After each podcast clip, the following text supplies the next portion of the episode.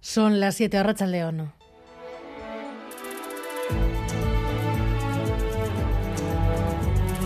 Gambara con Arancha García.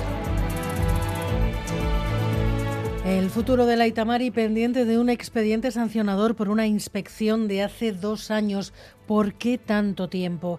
Esto ha levantado la sospecha sobre el motivo real de la inspección, de la sanción, cuyo importe todavía no se ha concretado. Habrá que esperar, según la Dirección General de la Marina Mercante, no debería pasar de los 80.000 euros y Manuel Manterola. Ni aislado ni premeditado. Procedimiento habitual, aseguran desde la Marina Mercante, que matiza la posible multa. No debería exceder los 80.000 euros, tomando como referencia casos similares. Sanción por siete deficiencias en el buque, aunque en la ONG Salvamento Marítimo Humanitario ven un impulso político en esta situación. Presentarán alegaciones Íñigo Mijangos, presidente. Esto iba en una campaña más eh, política que realmente que afectase a la seguridad marítima. Nosotros contestaremos las alegaciones correspondientes a la espera lo que conteste el funcionario instructor del proceso. El PNV ha preguntado por escrito al Ejecutivo de Sánchez si Italia les está presionando para poner freno a este tipo de barcos de rescate. EH Bildu ha solicitado la comparecencia urgente de la ministra de Transporte.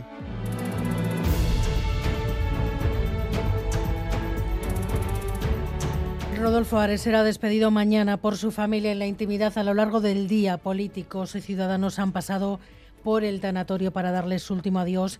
Gary Suárez, Arracha León. Arracha León, sí, mucha gente, por supuesto, del Partido Socialista Vasco, como Eneco Andueza, que ha estado aquí desde primera hora, así como la vicelenda Carido Yamendía. También del Partido Socialista Estatal, personas que compartieron muchas vivencias con Ares, como Eduardo Madina o un muy emocionado Pachi López, pero no solo hemos podido ver a dirigentes socialistas, el Endacari Íñigo Urcullu ha llegado a las 4 de la tarde acompañado del alcalde de Bilbao, Juan María Burto, y varios consejeros. Antes, a la mañana, el presidente del Euskadi, Buru Batzar, Andoni Artuzar, ha tenido palabras de agradecimiento hacia Ares y también el presidente del PP Vasco, Carlos Iturgaiz, que ha acudido a decir adiós a su amigo. Ha dicho, hasta las 8 de la tarde seguirá abierta esta funeraria bilbaína para dar ese último adiós a Rodolfo Ares. Y el juez ha enviado a prisión al sospechoso de enviar cartas con explosivos a Pedro Sánchez, a varios ministros y alguna institución más. Está acusado de amenazas terroristas y de fabricación de explosivos. El juez cree que el móvil fue el apoyo del gobierno español a Ucrania y Sarobaza.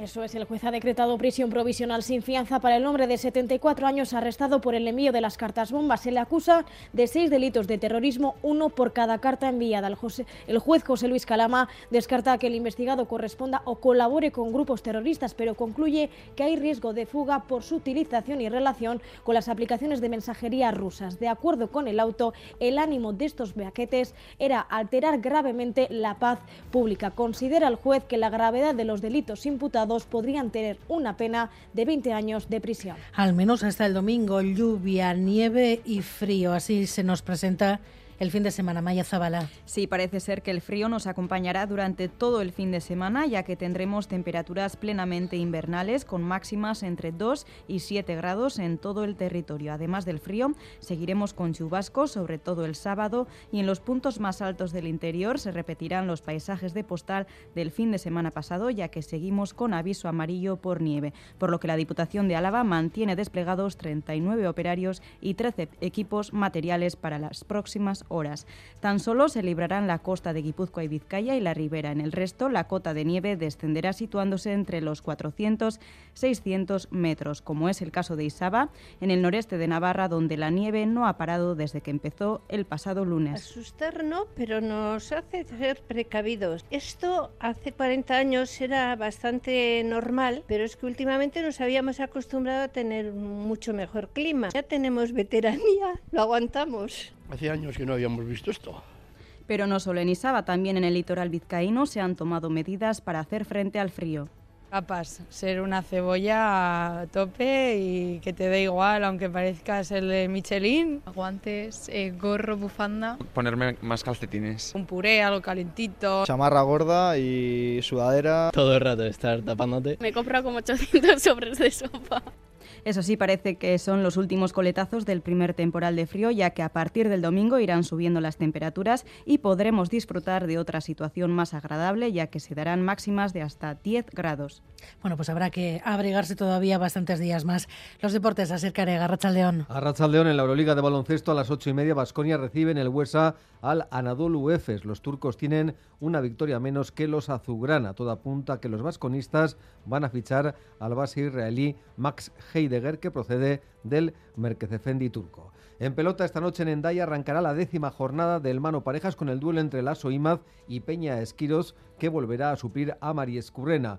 Y en el Mundial de Balomano está en juego la semifinal entre España y Dinamarca. De momento en la segunda parte ganan los daneses por 20-15. A las 9 arrancará la otra semifinal entre Francia y Suecia.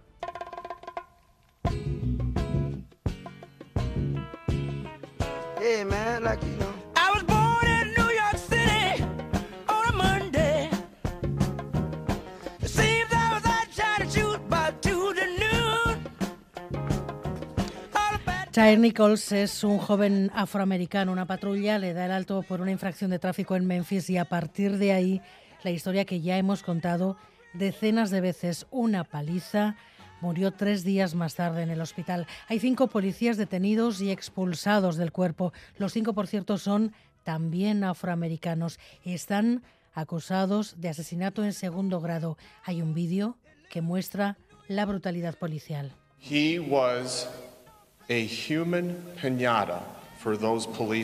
es el abogado de la familia y esto es lo que describe Tyre. Fue una piñata humana para los policías. El vídeo se va a hacer público en unas horas y en Memphis se teme otro estallido social.